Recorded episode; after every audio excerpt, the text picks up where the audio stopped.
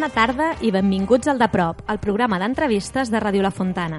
Avui serem molt directes. Des de l'any 2000 es calcula que han perdut la vida més de 30.000 persones al Mediterrani, intentant arribar a les costes de diversos països europeus. Només durant l'any 2015, segons l'ACNUR, prop de 350.000 persones s'han jugat la vida per arribar a Europa. Aquestes xifres no s'aturen, sinó que les pasteres plenes de persones que fugen de països en conflicte o en situació de pobresa segueixen arribant, si hi arriben, i es troben amb una rebuda indigna, exemple de les injustes polítiques de migració dels països de la UE que vulneren constantment els drets humans. Avui parlem de persones, de morts i de drets humans. Un tema dur. Un tema dur avui toca, però s'ha de tocar, no? De... Aquests temes de... també s'han de, de treballar. Sí, sí, s'hauria de tocar. Molt bé, doncs, com sempre, comencem a entrar en el tema de la mà d'en Benjo. Doncs sí, som-hi.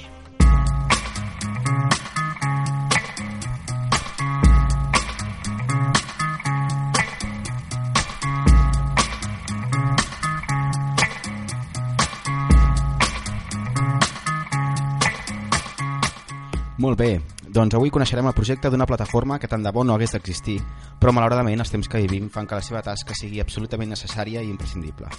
Avui coneixerem de prop Stop Mare Mortum, una plataforma ciutadana que té per objectiu fomentar un canvi en les polítiques europees d'estrangeria i migratòries. Va néixer el passat mes d'abril, fruit de la suma de diverses entitats socials i de drets humans, després del naufragi d'una embarcació a la costa italiana en el que van morir prop de 900 persones. La seva activitat se centra en dos àmbits, la sensibilització i la formació de la ciutadania i la incidència política. La sensibilització i la formació de la ciutadania i la incidència política, que es concreta en concentracions, mobilitzacions, xerrades i propostes polítiques. La plataforma basa la seva actuació i enfocament en un seguit de principis que configuren un plantejament consistent que va més enllà de, superfici de, de superficialitats. Bé reacciona amb urgència denunciant les situacions de greus vulneracions dels drets humans i desemparament que pateixen moltes de les persones que es veuen vinculades als moviments migratoris del nostre context europeu i mediterrani, no perd de vista el treball per incidir en les causes i les arrels que hi ha darrere d'aquesta greu problemàtica, una de les evidències més vergonyants de la hipocresia actual dels estats i governs europeus. Alhora, Stop Mare Mortum promou també la implicació de, de la ciutadania a la denúncia i la construcció d'alternatives per erradicar les causes de la injustícia i la vulneració dels drets humans a Catalunya i arreu. I en l'entrevista ja anirem detallant. Doncs moltes gràcies, Benjo. Crec que ho has explicat tot molt ràpid perquè tenim tants temes a parlar que, que tenim pressa. I després de conèixer la plataforma, en aquest cas, ens toca conèixer el convidat.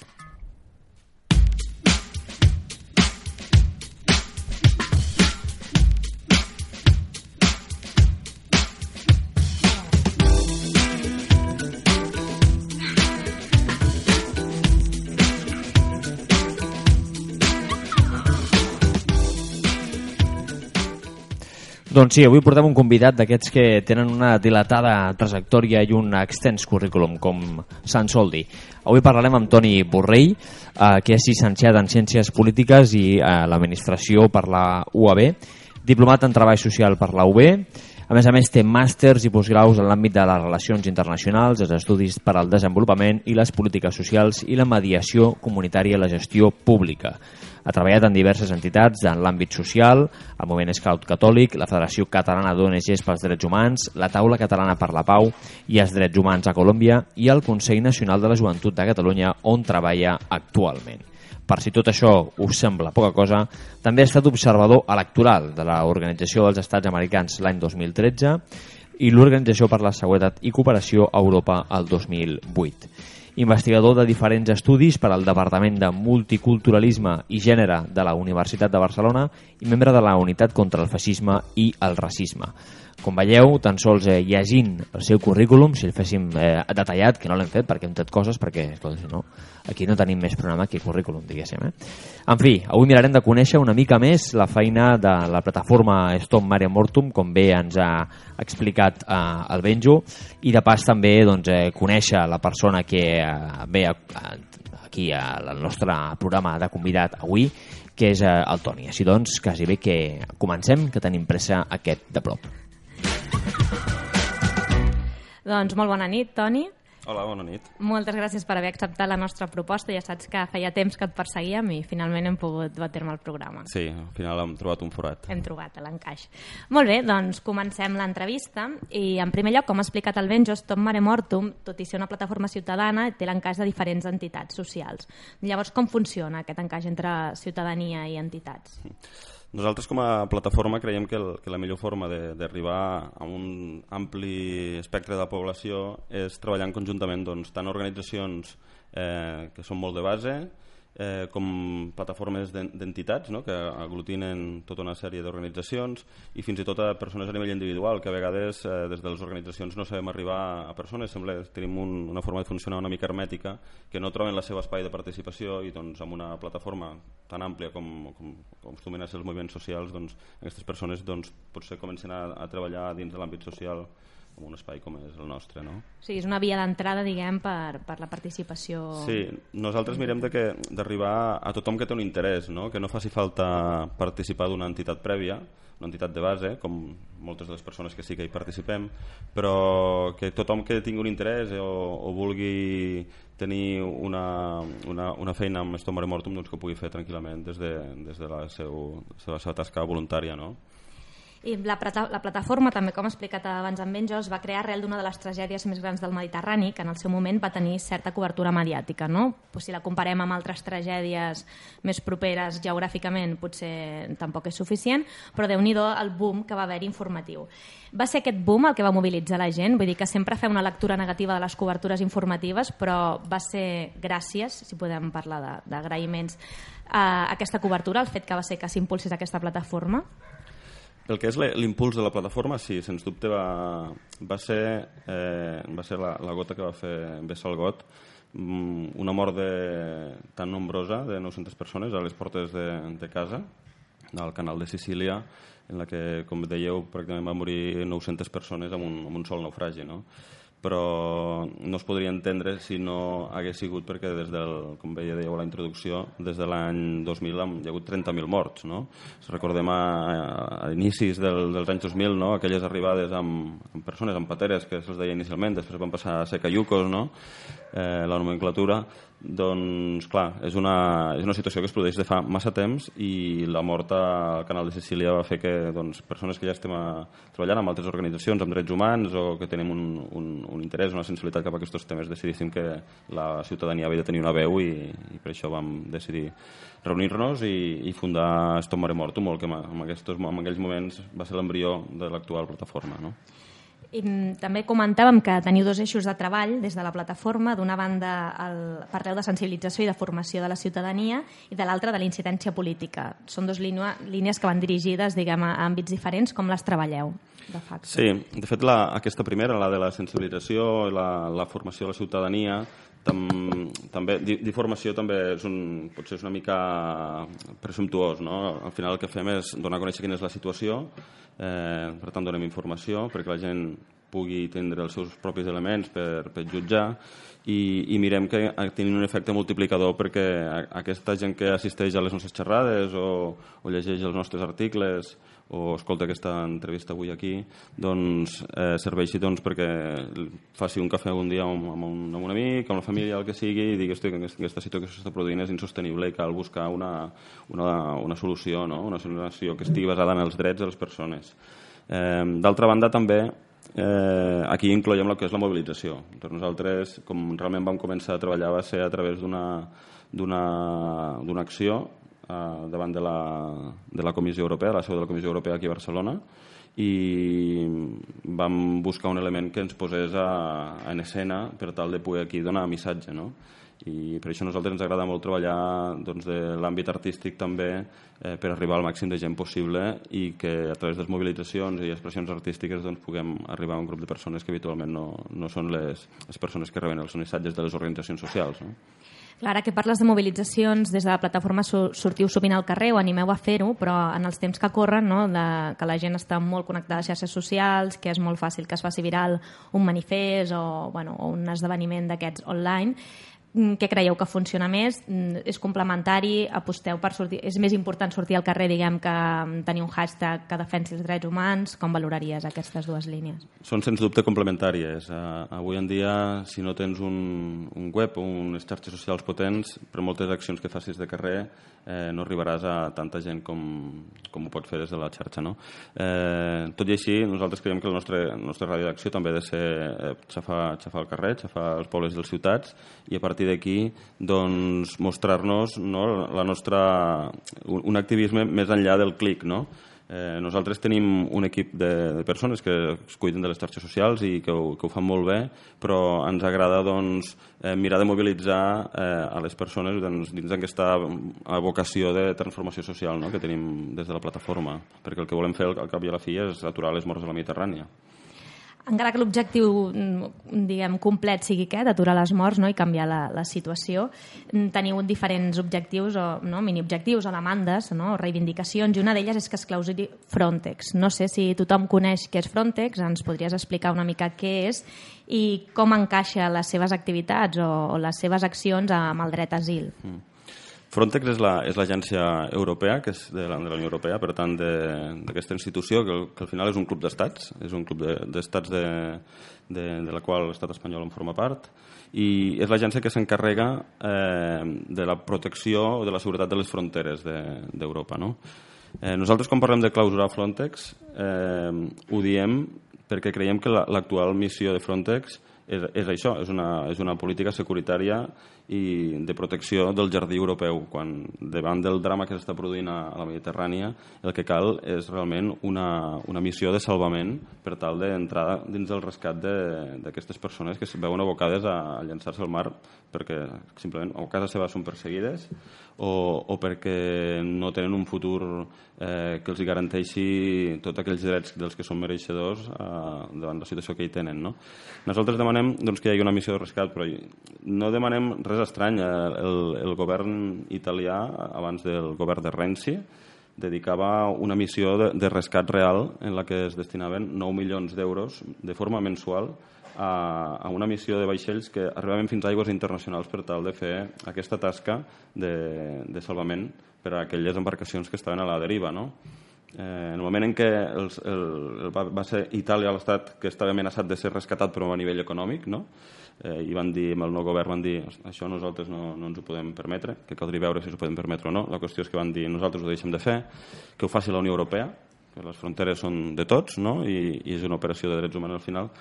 Eh, la Unió, la Unió Europea el que va decidir és dedicar-hi, eh, pels 9 milions d'euros d'Itàlia, l'estat italià va de, decidir dedicar-hi 3 milions d'euros al mes, o sigui, un terç del que dedicava el govern italià, i a més a més fins a 30 milles nàutiques, per tant sense arribar a aigües internacionals, eh, convertint aquella missió de salvament que tenia Itàlia en una missió de, de control de fronteres per tal de que eh, aquella gent que podia arribar de forma irregular a, a, Europa doncs, que es trobés amb una, amb una sèrie d'entrebancs i, i poguessin ser vehiculades cap als centres d'internament d'estrangers, per exemple. Després parlarem de, dels centres d'internament d'estrangers perquè una cosa porta a l'altra, no? però continuant amb el tema aquest d'aquesta acció política que, que voleu fer, l'estat espanyol és un país frontera a la Unió Europea, no, no només Itàlia, com comentaves, no? i tots coneixem les tanques, les morts i les situacions de vulneració dels drets humans que, que, que succeeixen sovint, diguem, sobretot a la zona sud de l'Estat. Llavors ara venen les eleccions i no sé si des d'Estom Mare Mortum que exerciu aquesta pressió política teniu esperança que es resverteixi d'alguna manera la, la situació depenent de, de quin partit guanyi. O si hi ha algun partit que, que ha promès o que promès o que s'ha compromès, més que prometre, a, a seguir algun tipus de política diferent. Nosaltres estem una mica a l'expectativa d'això. Els programes electorals s'estan elaborant, alguns ja estan conclosos, però estem amb, amb vies de, de, de visibilitzar quines són les seves, les seves mesures. No? El, que sí que, el que sí que veiem és que eh, com tenim un focus d'atenció molt evident a, a la frontera est de, de la Unió Europea, no? amb, amb l'entrada com és normal a través de, dels països de l'est, degut al conflicte amb Síria, el que no hem d'oblidar és que a l'estat espanyol hi ha Ceuta i Melilla, que són l'única porta d'entrada, de fet, que té la, a territori europeu, de la Unió Europea, des d'Àfrica. No? Ceuta i Melilla estan, són territori de l'estat espanyol, per tant, de la Unió Europea, i és l'única via terrestre que poden accedir, que es pot accedir des d'Àfrica sense haver de, de, de saltar al mar Mediterrani. No? Es calcula que actualment hi ha pràcticament 2.000 persones eh, esperant esperant a, amb aquesta situació tota d'una infra, infrasituació de drets humans en la que hem de tenir en compte que el 80% es calcula que són persones sirianes. És a dir, imaginem el viatge que han hagut de fer des de Síria per arribar a la frontera, a la frontera sud, en aquest cas de, de Ceuta i Melilla, en la que la seva situació de drets humans no està garantida, ni molt menys. No? És que tota l'estona estem parlant, diguem, la plataforma es diu Stop Mare Mortum, moltes morts es produeixen al Mediterrani, però el, també hem de tenir en compte que molta gent no ve de, de les fronteres del nord d'Àfrica, sinó que venen del sud, no? i que ja hi ha un viatge previ per terra per arribar fins al Mediterrani. Moltes vegades arribar al Mediterrani és un èxit, no? Sí, sí, Després... i tant. De fet, des de... també hi ha una arribada molt gran de persones d'Eritrea, per exemple, que, com sabeu, no, no, no, no és costera amb el mar Mediterrani, en la qual fins a arribar-hi hi ha un viatge molt llarg en el qual es calcula una dada de les persones que travessen el Sàhara, una de cada cinc moren en, moren en, en l'intent, no? Aleshores, eh, estem habituades a parlar molt del, de la fossa comuna que és el Mediterrani, no? Però algun dia haurem de començar a parlar també de la fossa comuna extrema que s'ha convertit també el desert del Sàhara. No? Eh, la frontera sud d'Europa, amb Ceuta i Melilla, eh, és una vergonya. El que està passant allà és una vergonya, les, les devolucions amb calent. Eh, la tanca amb, amb les concertines, en la qual l'estat espanyol s'ha dedicat, ha dedicat 50 milions d'euros per tal de, de blindar-la. Uns diners que han anat a parar al govern del Marroc, que sigui qui s'ha encarregat de, de fer-ho, a través, evidentment, d'una empresa espanyola que té el, diguem, el dubtós honor d'haver repartit aquestes concertines no només a la frontera sud, sinó també a, a les fronteres est, les tan, aquestes tanques que veiem uh, actualment doncs, a Eslovènia, uh, vam veure també a Hongria, doncs són de fabricació espanyola, i això cal saber-ho. Aquesta, aquesta és la contribució de, de, de l'estat espanyol amb això, doncs, doncs potser que ens ho plantegem, no? Per tant, cal que tinguem present també la frontera sud i quina és la situació que hi ha, perquè no podem oblidar-la a pesar del focus mediàtic. No? Una altra de les reivindicacions que dueu a terme és la denúncia dels mercats d'armes, no? una mica ara parlant d'aquestes empreses espanyoles no? que, que tenen aquest, mm, aquest orgull de posar tanques pel món.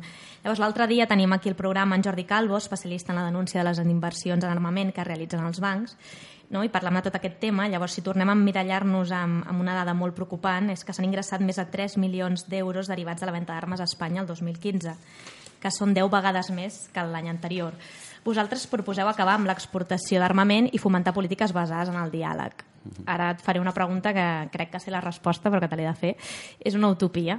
Vull dir, esperar que, que s'acabin les armes i que, els, i que els estats actuals europeus facin una política de diàleg?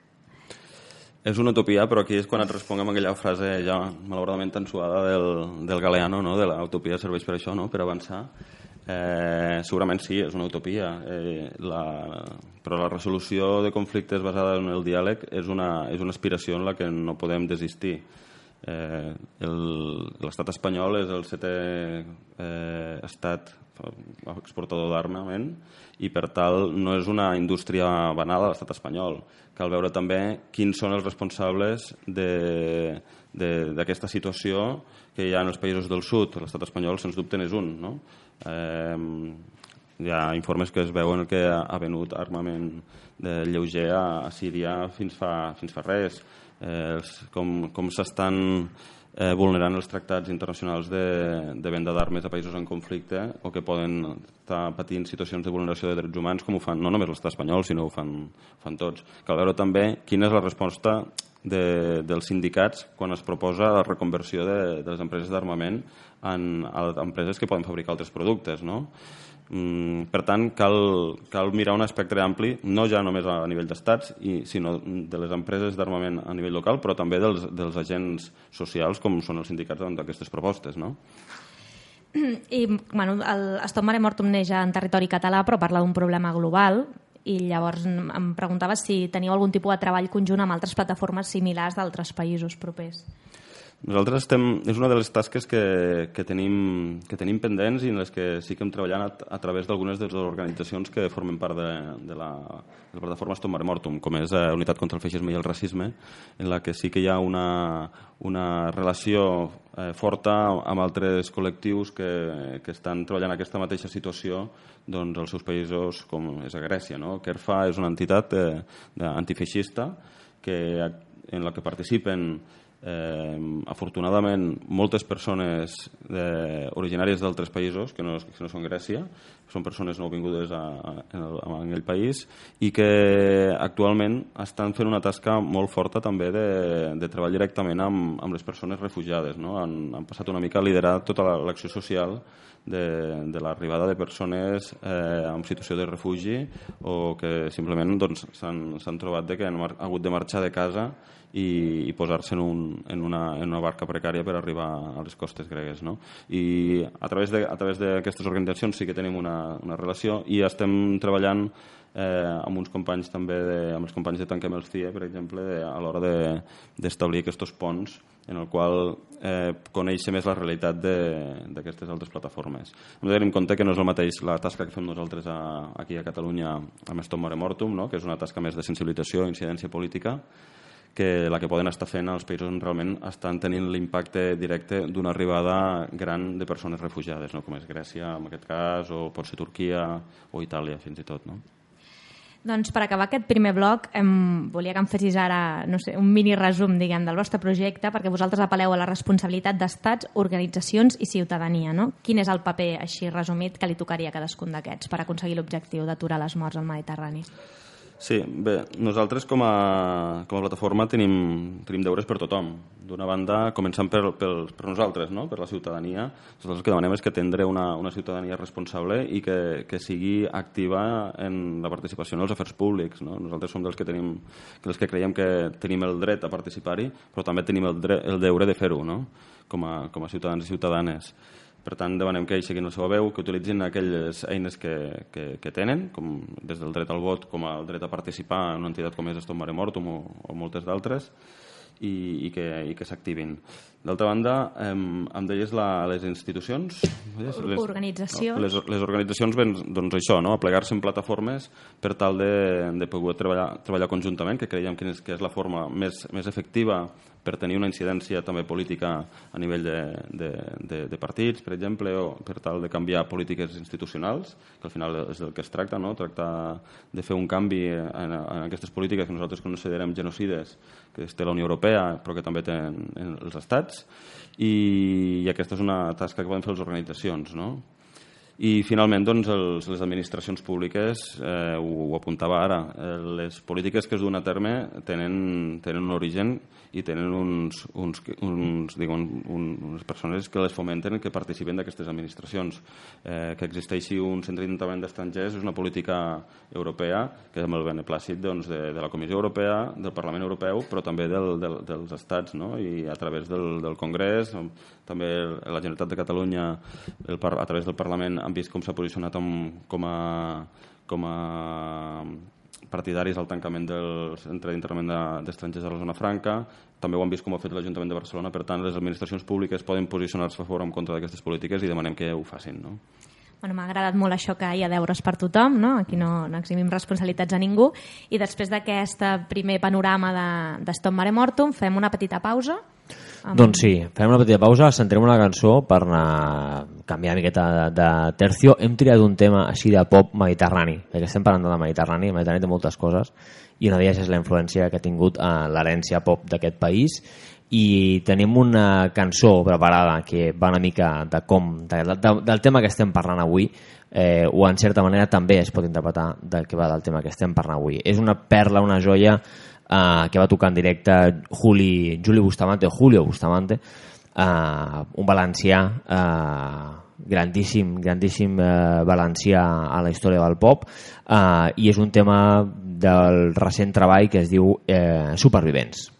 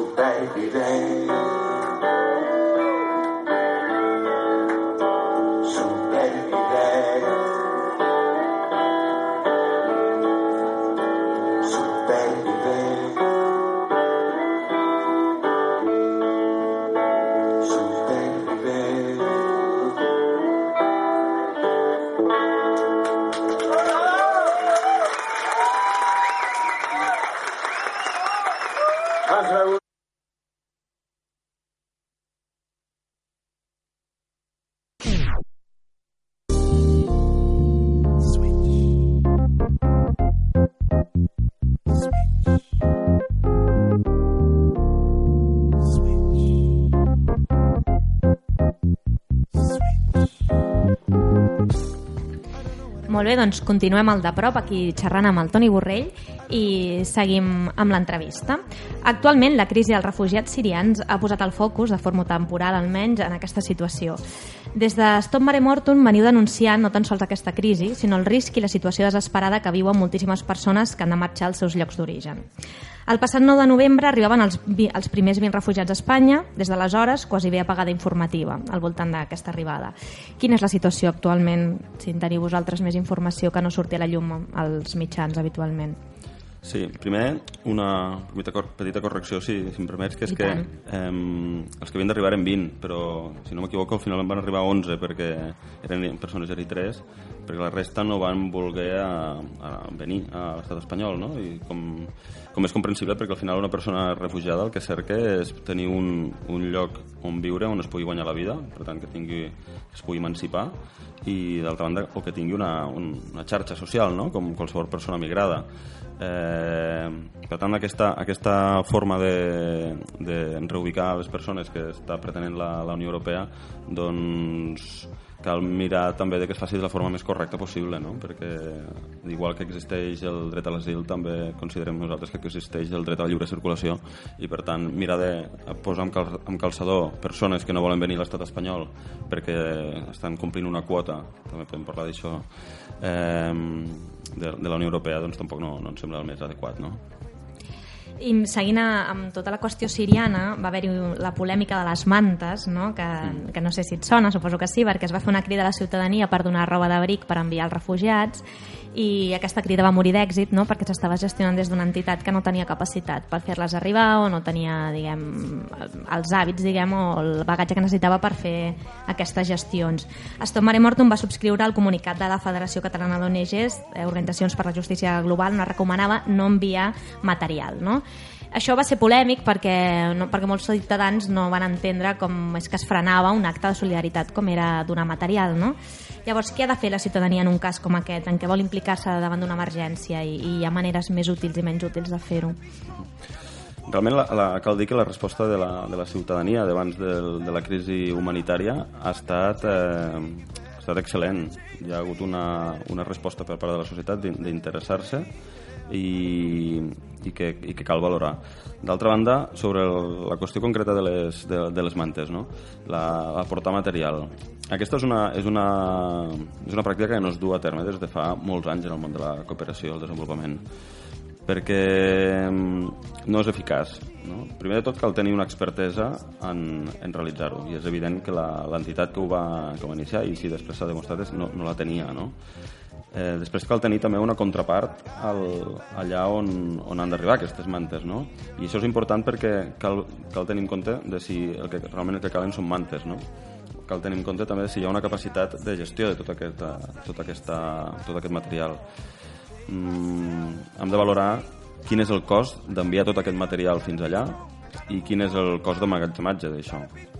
Eh, habitualment són costos molt elevats que el que fan és que no surti a compte fer-ho. I, i el que, realment el que és més, més útil és fer una cerca o de, de diners, potser és menys agraït perquè a la gent li agrada tenir eh, allò del, del tacte, no? de que aquesta manta arribarà a una persona que ho necessita que, que és molt humà, en realitat, però és poc, en realitat és, és una qüestió que és de- d'expertesa i veiem també com els diners es transformen en allò que realment necessiten les persones, no? Doncs potser el que no els hi calen tantes mantes, sinó potser el que necessiten és una, una pròtesi o unes ulleres o, un, o, uns pantalons, no?, per entendre'ns. Per això que la, aquelles formes de, de vehicular aquesta, aquesta ajuda a la ciutadania és a través de les entitats especialitzades i a Catalunya en tenim força, totes les entitats que treballen també a casa nostra amb, persones refugiades, que s'han han creat una, un, un espai conjunt que és asil.cat, són les entitats que treballen amb persones eh, refugiades directament, i si no amb les entitats de, de cooperació que tenen una expertesa amb això, no? sinó també col·laborant amb, amb entitats que treballen aquí, com, com som nosaltres, Tom Mare Mortum, a través de, de l'Associació de Veïns preparant una, una, una xerrada eh, sobre la qüestió, a, a través de, de les AMPES, de les escoles, al CAU, a l'Esplai, hi ha moltes formes de participar, d'interessar-se i de canviar eh, quines són les arrels del problema també, no? Molt bé, doncs gràcies per les recomanacions i, i ara una pregunta vinculada al, a la plataforma, però de manera més indirecta. Tu arribes a la plataforma via Unitat contra el Feixisme, no? on, on, de la qual ets membre. Llavors, bueno, estem acostumats a parlar ja de que hi ha morts de primera, no? o víctimes de primera, de segona i de tercera, amb les cobertures dels mitjans, com hem comentat abans, o també amb, la manera que, que aquestes, aquestes tragèdies impacten a la població catalana. Llavors, quin paper juga el racisme i la xenofòbia en la percepció d'aquestes tragèdies? Una, una dels comentaris habituals ha, ha estat eh, i, i que s'entén, que es faci, és, de, és que són com nosaltres, no? Aquest és que són com nosaltres perquè, fins i tot a nivell d'aspecte, doncs, els, refu els refugiats sirians, suposo que es refereixen quan diuen són com nosaltres, no?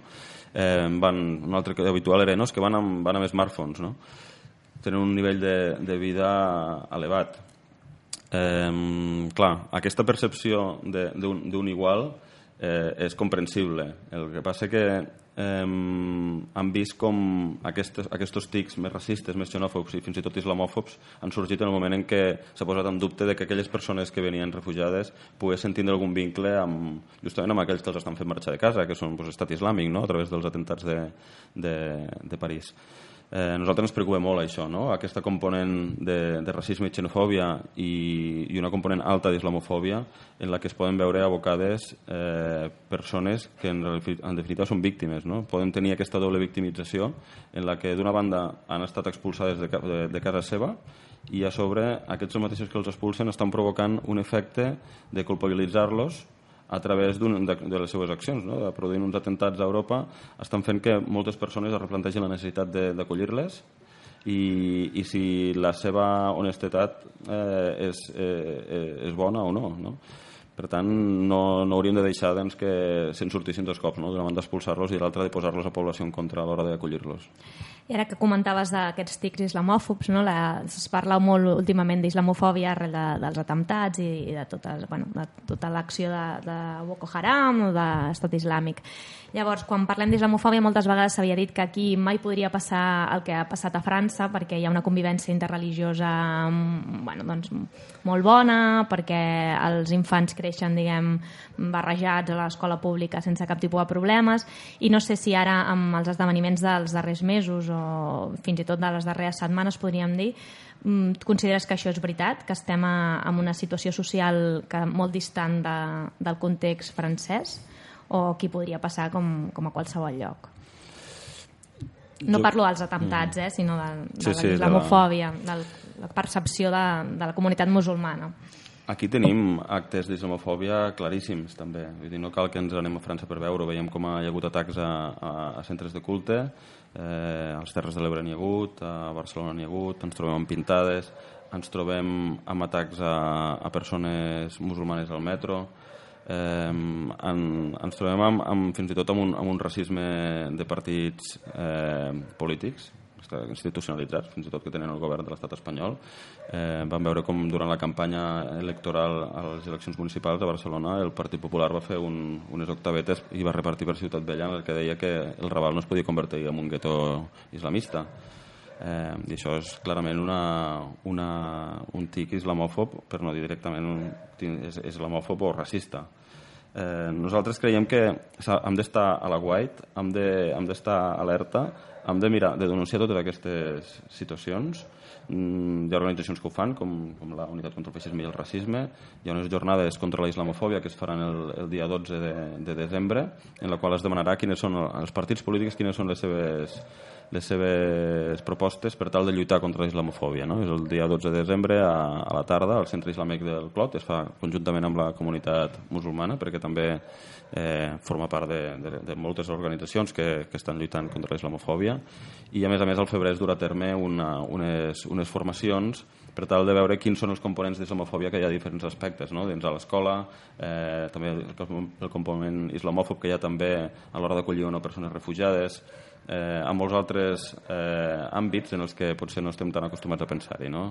Eh, hem d'estar alerta i hem de, de lluitar contra la islamofòbia com s'ha de lluitar contra l'antisemitisme o com qualsevol altre tipus de discriminació.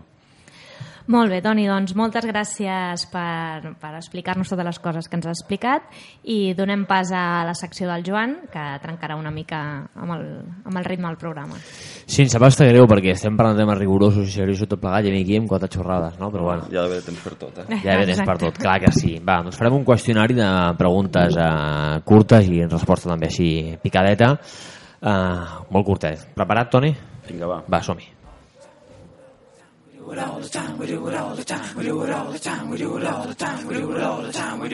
som-hi. Vinga, primera pregunta. Quin és el teu plat preferit? Eh, la girella. és un plat del Pallars. Molt bé, eh, molt bé. Més ràpid, eh, això m'agrada. En aquestes eh, tardes d'hivern tan boniques, ens podries recomanar un lloc de la ciutat on s'hi estigui bé sense passar massa fred?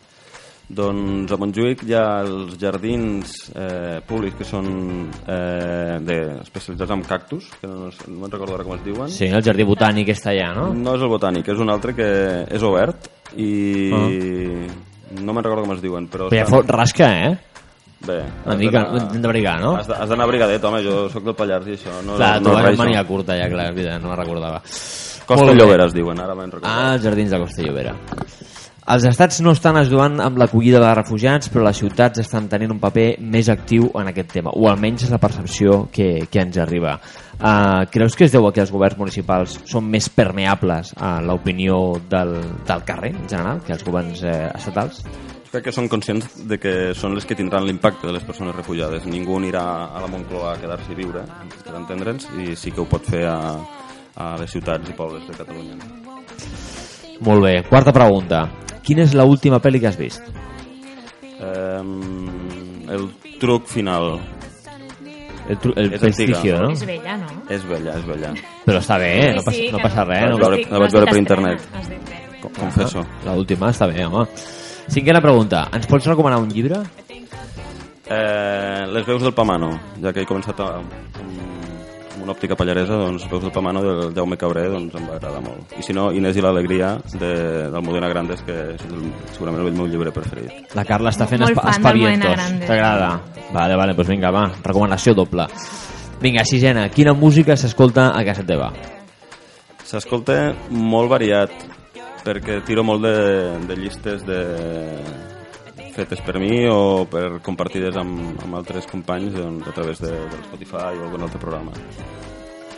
Molt bé, és, és, és molt comú, eh? El tema de Spotify. Espanya és el, pr- el primer país del món amb Spotify. Sempre m'agrada dir això, perquè és... Doncs, mira, jo soc Som els, som els reis de la I pirateria i, participo. del trepitxeo. Som fantàstics. Jo també, eh? No, Molt bé. Jo pago, eh? Jo pago el Spotify. Ah, mira, jo no, jo no. pago. Jo tampoc, jo tampoc pago. Jo apago la cançó abans de que sur- surti el Melendi. Uh, va, anem a la setena i darrera pregunta del qüestionari. Creus que arribarà algun dia en què uh, Stop eh, Mare Mortum no tingui sentit, no faci falta? Jo espero que sí, i també espero que no faci falta la contra el feixisme i el racisme i totes les entitats socials que, que miren de, de pal·liar les relacions nord-sud, no? Molt bé, doncs amb aquesta idea i amb aquesta esperança de deixar de funcionar perquè ja no faci falta, diguéssim, no per un altre motiu, uh, ens quedem aquí amb el qüestionari i passem ara sí a la secció del Ben. Jo som-hi.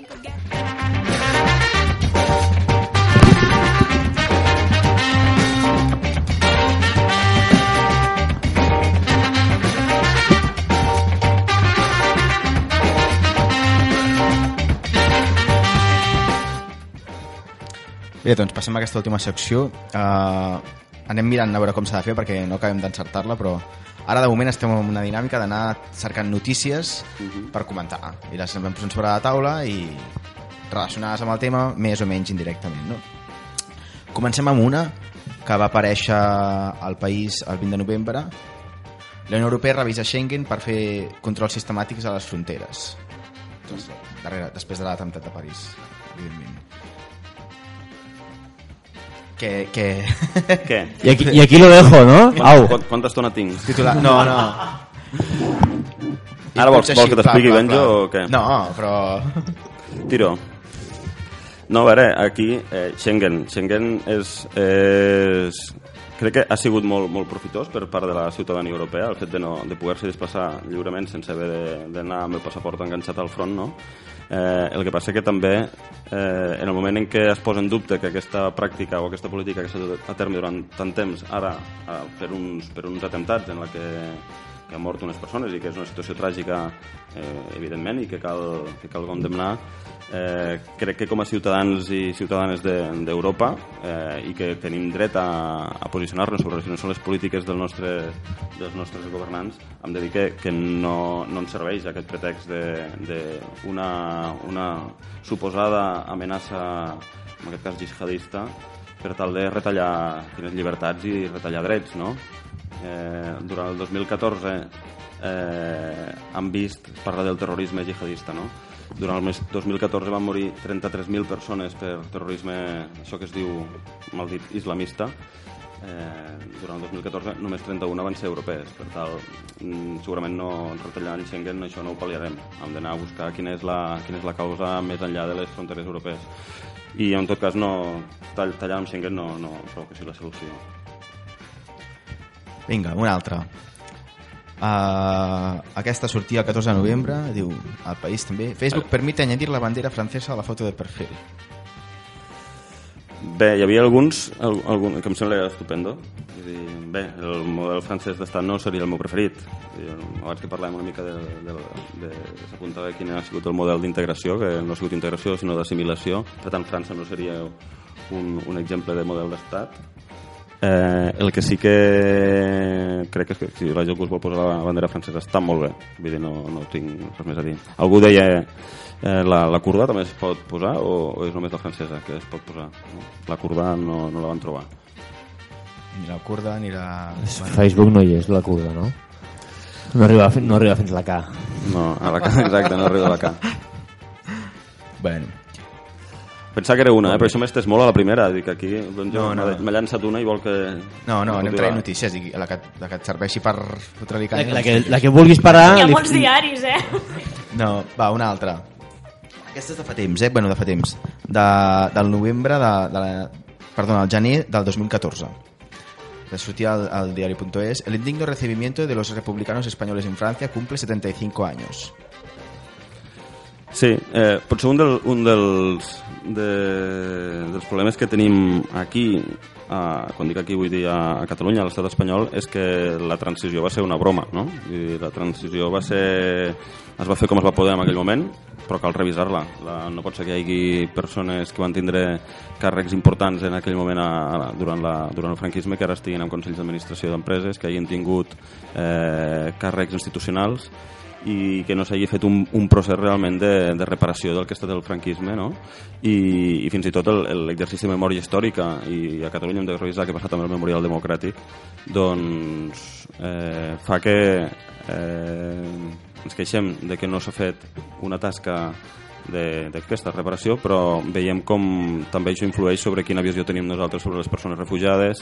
Eh, si no els veiem entrant pel Partús o a la, a la platja d'Argelers, doncs sembla que no, no estiguin dins la mateixa categoria que, que les nostres, no? les nostres persones refugiades que fa no tants anys que van, que van estar en camps de concentració a l'estat espanyol o van estar en camps de refugiats que eren totalment indignes a, a, a la Catalunya Nord sense anar més lluny, no? a Argelers.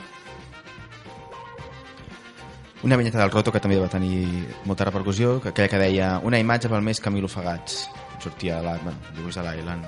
Del nano aquell. Sí, uh, jo el, la fotografia de l'Ailan sempre sempre ho expresso amb, la mateixa, amb, el mateix, amb el mateix sentit. Per mi la fotografia de l'Ailan va ser una fotografia que entenc que fos útil per moltes persones eh, que, que diguessin què, què és el que està passant a, a la Mediterrània, que hi ha un nen que pot acabar morint boca terrossa en una platja europea. Entenc que sigui per moltes persones útil, eh, però jo trobo una foto indigna una foto d'un nen morint a, a, a una platja o mort en portades de, de xarxes socials, diaris i Twitter si li diu, ho, trobo, ho trobo indigne però va davant la, la dignitat humana abans de, de, de, la, de la imatge per molt impactant que sigui no? entenc que molta gent es despertés arrel d'això i té sentit, el que no té sentit és que els estats necessitessin aquesta fotografia per acabar posant algun tipus de, de mesures a la situació de crisi humanitària. 30.000 morts des de l'any 2000 eh, és, és totalment indigna la, la, la situació és una vergonya. Parlant d'aquesta dignitat i de la fotografia i del nen, diguéssim, hi havia una campanya que va sortir de uh, Save the Children, em sembla que era, que van fer una cançó, Savage Garden, llavors eh, la cançó convidava que fessis algun tipus de donació per la campanya, etc. no?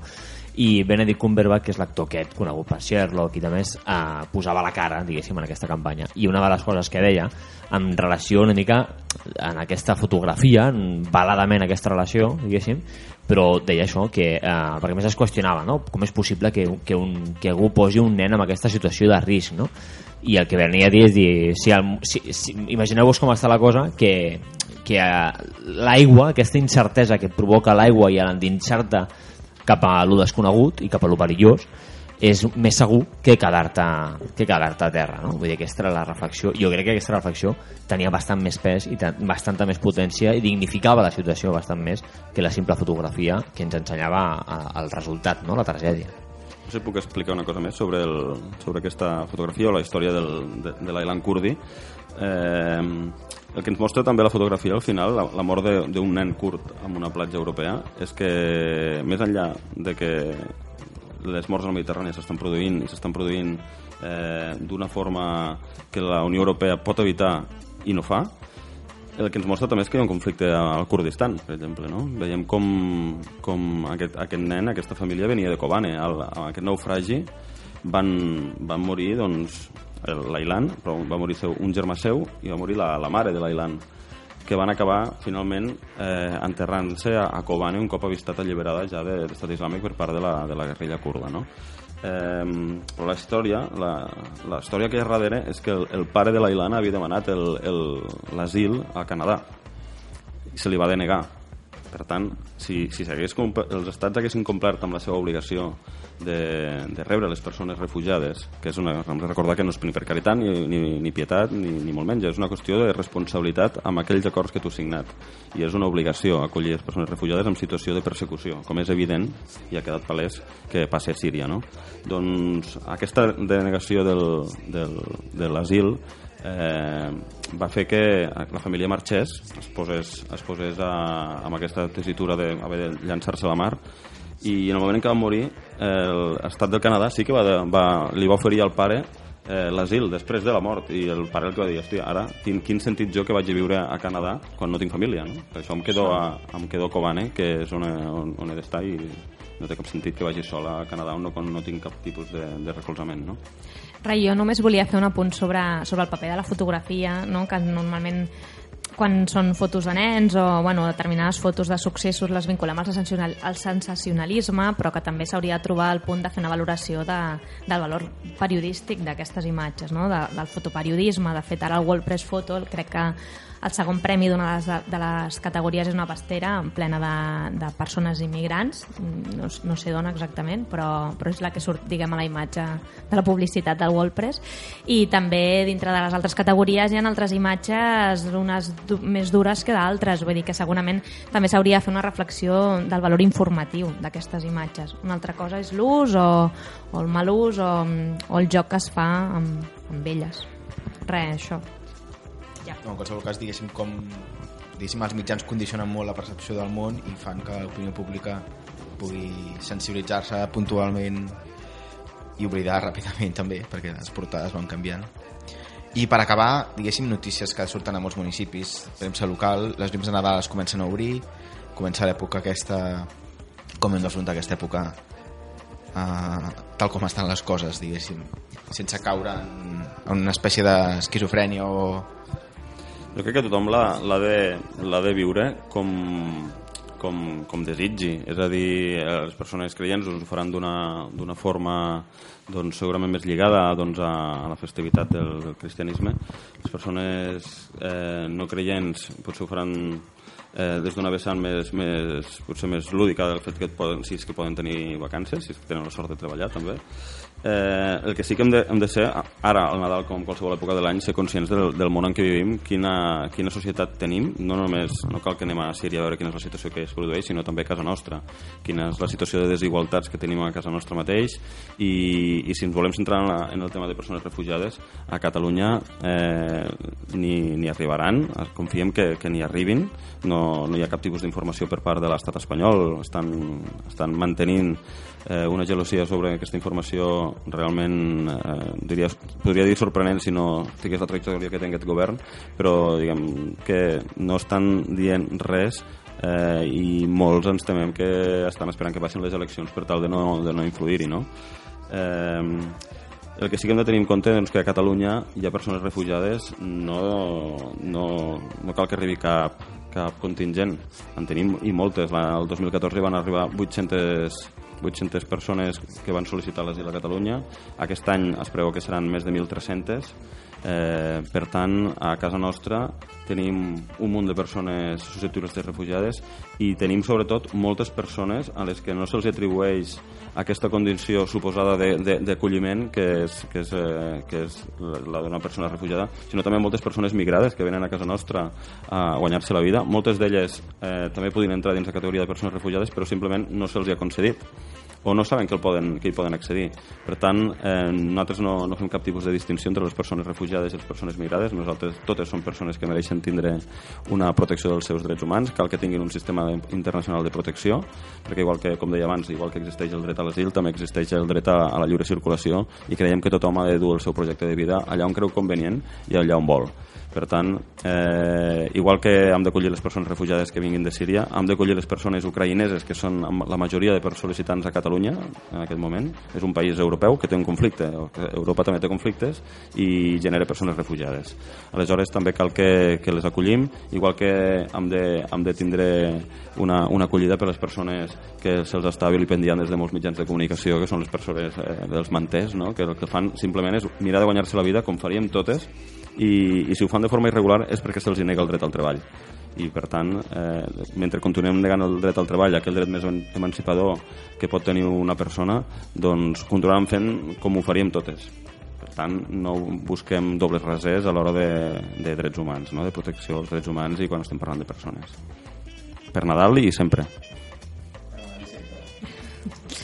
Molt bé, doncs en, crec que ens sumem totalment al teu discurs final com a equip del de prop i res, tornar-te a agrair que siguis aquí, que hagis estat aquí amb nosaltres i als nostres oients fins a la propera.